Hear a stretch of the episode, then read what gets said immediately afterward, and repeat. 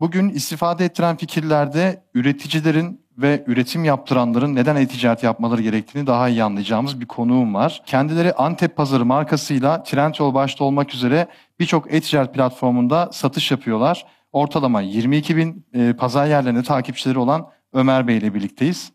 Hoş geldiniz Ömer Bey. Hoş bulduk. E, tabii ben mesajınızı okudum. Ortalama 690-700 bin TL civarında bir aylık cironuzun olduğu yazıyor Trendyol e, özelinde. Güzel bir başarı. İki yıldır da satış yapıyorsunuz pazar yerlerinde. Bu iş nasıl başladı? Tam olarak nasıl ticarete başladınız? E-ticarete başlama noktanız nasıldı? Biraz detay verirseniz çok sevinirim. Bizim başlangıç noktamız biraz geriye gidiyor. Biz dördüncü kuşağız.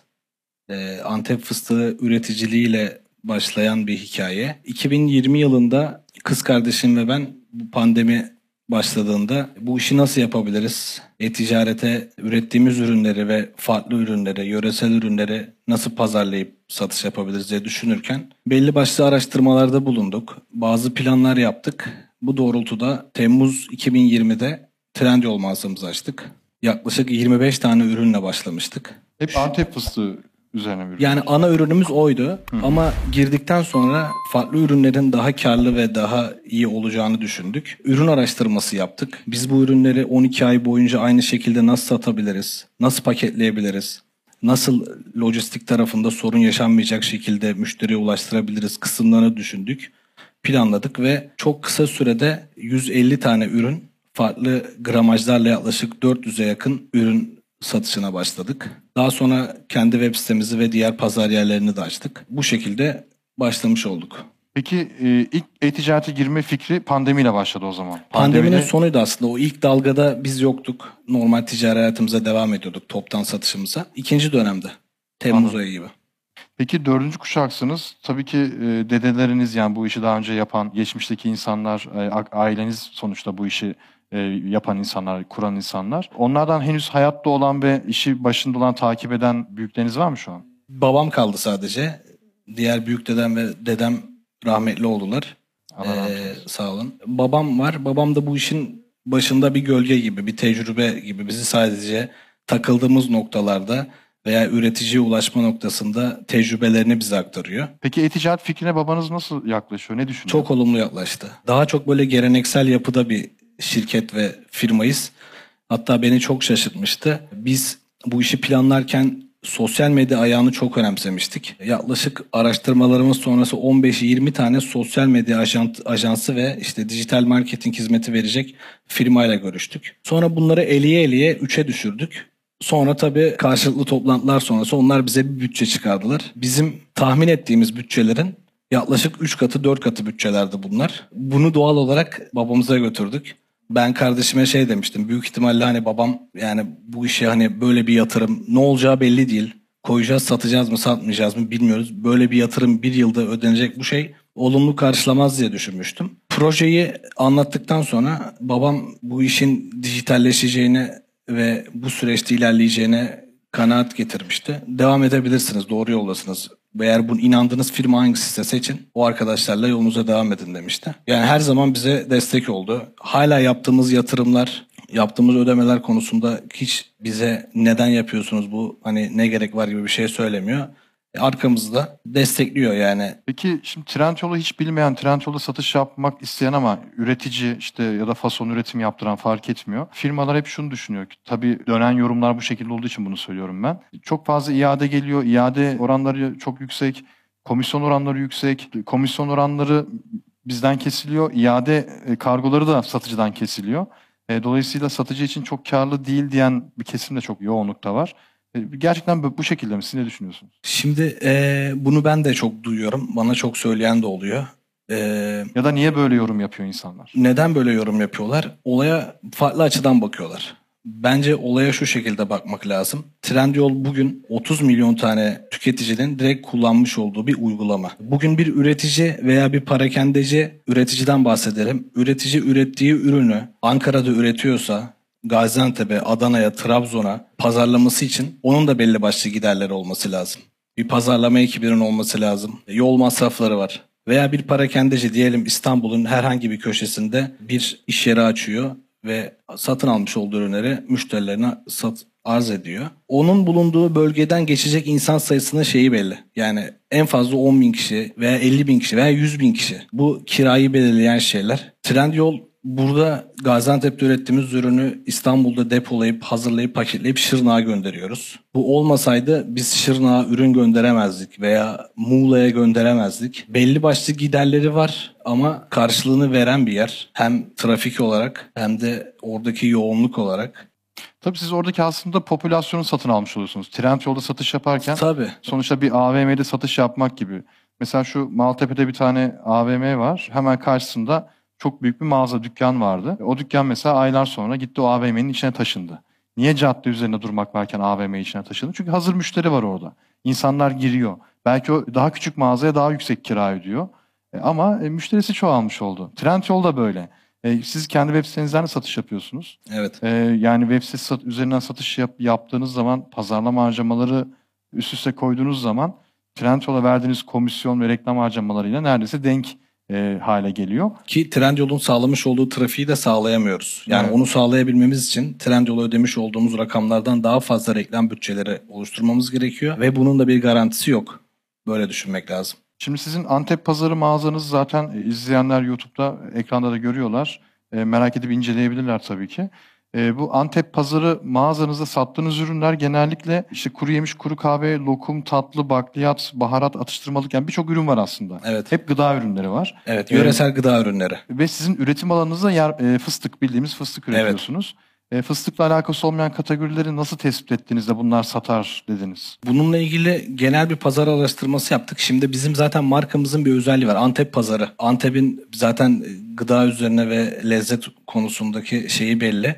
Antep pazarı olduğu zaman insanlar böyle daha çok şıralı ürünler, baklava, işte pestil, pekmez, salça bu tip şeylere kafasında canlanıyordu. Araştırmalarımız sonucunda da bizim hani böyle yöresel ürün satan markette, süpermarkette olmayan daha çok böyle doğal, çok fazla işlenmemiş ve kaliteli ürünü bir yerde toplama şeyimiz var. Antep pazarının çıkış noktası oydu. Hani sadece Antep fıstığı satan bir yer değil, bir süpermarket gibi, dijital bir süpermarket gibi ama yöresel ürün satan bir süpermarket. Bunu planladık. Geçmişten gelen zaten işle ilgili tecrübemizden dolayı da üreticilere çok kolaylıkla ulaşabildik. Bu şekilde ilerledik. Peki burada e, Trendyol'da hiç mağazası olan, satış yapan ya da az önce belirtmiş olduğum gibi bu komisyon oranları, iadelerden yorum yapabilecek birisi var mı acaba farklı seyircilerimiz arasında? Merak ediyorum. Siz mi varsınız hanımefendi? Sizin görüşlerinizi merak ediyorum. Hani mesela e, evet beyefendi bir üretici. E, sonuç üreticilerin kar marjı biraz daha yüksek belki. Bilmiyorum siz üretici misiniz ama çok böyle telaffuz edilen bir şey bu iadeler, komisyon oranları.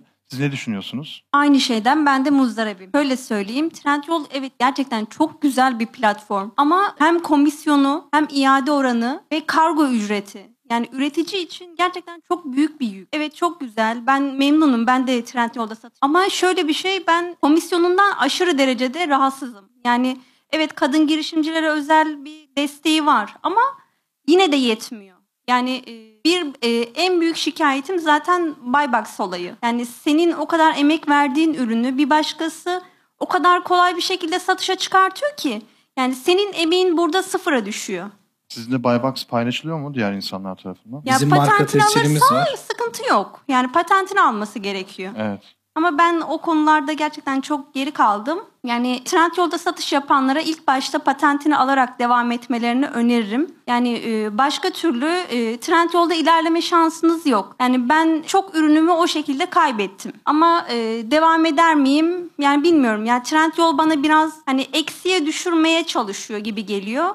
Yani e, şu an tamamen yani araştırma içerisindeyim. Belki çok daha güzel olur diye düşünüyorum. Ama Trendyol Türkiye pazarı bence bitecek gibi görünüyor. Bilmiyorum. Benim şahsi fikrim. Ya aslında şöyle kendi markanız olduğu zaman e, Yo, ben kendim üretiyorum. Ha. Yani ev tekstili kendim üretiyorum. Kendi yaptığım ürünleri satıyorum.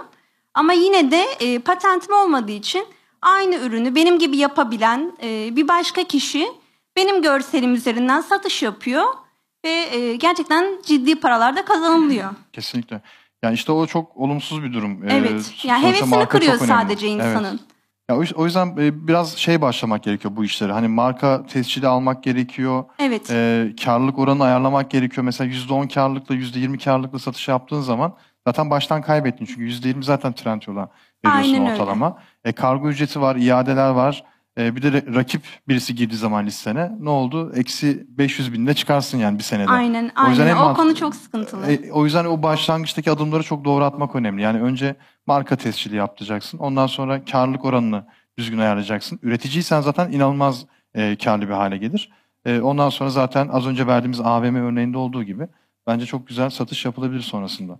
Peki sizin e, şu an ne yapıyorsunuz? Yani hedefiniz var mı? Bir sonraki adım ne olacak? Bizim tabii ki de hedefimiz var. Hatta çok büyük hedeflerimiz var. Biz Antep Pazarı markasını önce ulusal, yerel anlamda ondan sonra da işte başlayacağımız et satışlarıyla ve sonraki Amazon ve kendi web sitemizi oluşturacağız uluslararası. Burada Amerika'dan sipariş vermiş veren birine biz 3 gün içerisinde Antep'in yöresel bir ürününü göndermeyi planlıyoruz yurt dışı için. İçli köfte de olabilir. Zeytinyağlı sarma veya dolma da olabilir. Veya simit de olabilir. Çay da olabilir. Bizim hizmet olarak böyle bir şeyimiz var. Yerel iç pazarda da şimdi kendi web sitemiz üzerinden yapacağız bunu. Hızlı kargoyla ve dondurulmuş ürünleri Antep'in dondurulmuş yemeklerini yuvarlama gibi, dolma gibi, lahmacun gibi donmuş şekilde Türkiye'nin her yerine ulaştırma hedefimiz var kısa sürede. Trendyol'da da devam ediyoruz. Daha çok büyümeye. Oradaki mağaza profilimiz ve mağaza seviyemiz zaten kategoride ilk sıralarda. Orada liderliği devam ettirmek ve kendimizi geliştirmek istiyoruz. Trendyol bizi insanların bilincini oluşturan bir marka olarak görüyoruz aslında. Öyle bir avantajı da var. Sonuçta belli bir trafik var. Orada insanlar sizden alışveriş yapıyorlar ve sizi tanıyorlar. Yani içeride ve dışarıda bu şekilde hedeflerimiz var. Antep pazarını bir marka haline getirmek. Peki burada siz tabii Trendyol içerisinde kampanyalara e, mutlaka katılıyorsunuzdur. Reklam da yapıyorsunuzdur. Şunu merak ediyorum. Hiç böyle daha önce şirketi olmayan ve yeni şirket kurmuş, bu videoyu izlemiş, ya ben de Trendyol'da bir şeyler satayım diye düşünen birisi gitse mesela işte kuru yemiş, kuru meyve, baharat, atıştırmalık gibi e, kolay kolay bozulmayan ürünleri toptan alıp böyle kendi markasıyla e, biraz manuel bir süreçte ürettirse ve Trendyol'da satışa açsa sizce başarılı olur mu? Yani Kampanya kullansın, reklam kullansın. olabilir ama ben Trendyol'da satış yapmak isteyen insanlara ve gençlere şunu tavsiye ediyorum. En fazla hakim olduğunuz konu üzerinde. Yani en çok satan ne? Biz de onu satalım değil de markalaşacaksanız özür diliyorum. Yani e, buy box sistemiyle ilerleyecekseniz başka bir şey. Ama bir markalaşma sürecine girip bir marka oluşturalım diye düşünüyorlarsa en fazla tecrübeli oldukları, büyüklerinin tecrübesi olan ürünleri tercih etmeleri. Yani en çok ne satıyor? Hadi biz de gidelim işte toptancıya alalım, satalım gibi düşünmemelerini tavsiye ediyorum. Bardak konusunda babası uzmandır, amcası uzmandır veya bir arkadaşı onunla ilerlesin. Farklı kategori bilmediği bir şeyde biraz zorlanabilir. Sonu başarısızlık olabilir. Evet kesinlikle. Peki son bir sorum olacak size. Ya şunu yaptık da başarılı olduk diyeceğiniz böyle bir trik, bir taktik bir şey var mı? Yani izleyenler için e, bir verimli olabilecek. Şimdi bir- ben üretim yaptırdığım üreticiye bile Trendyol'da bana rakip olması için tavsiyede hani siz de girin, siz de açın. Veya çevremde toptan olarak ürün sattığım bir firmaya gidip siz de buraya girin. Bakın bu pazar böyle büyüyecek ve önümüzdeki yıllarda daha da artacak diye. Ama buradaki bence başarının en büyük kriteri şuydu. Biz bu işi ek iş olarak görmedik. Biz mevcut işimizi kenara bırakıp pausa basıp e-ticarete yöneldik ve buna göre yatırımlar yaptık. Korkmadan biraz risk alarak ve farkımızın şu da olduğunu düşünüyorum. Markalaşma olmamız. Yani biz markalaşmaya belli bir yatırım yaptık. Kimsenin yapmadığı. Realde bizden daha bilinen ve daha iyi konumda olan bu sektörde, bu kategorideki firmaların yapmadığı yatırımı yaparak girdik. Biraz markalaşmaya önem verdik. Bizi farklı kılan bence buydu ve işi olan inancımız ve yaptığımız yatırımlar. Çok teşekkür ediyorum. Rica Buraya kadar geldiniz. Tanıştığıma da çok memnun oldum gerçekten de. oldum. Umarım e, katlana katlana işleriniz daha da iyi yerlere e, çıkar büyür. Yayından sonra zaten e, seyircilerimiz isterse size soru da sorabilirler, sohbet edersiniz. Ben izlediğiniz için çok teşekkür ediyorum. Siz de Ömer Bey gibi buraya konuğum olabilirsiniz. Hikayenizden bahseden bir formumuz var. Aşağıdaki formu doldurup hikayenizden bahsedebilirsiniz o formu doldurduktan sonra. E, eğer seyirci olarak da buraya katılmak istiyorsanız da yine videonun altında bir linkimiz var. O linkteki formu doldurmanız yeterli olacaktır. Kendinize iyi bakın. Hoşçakalın.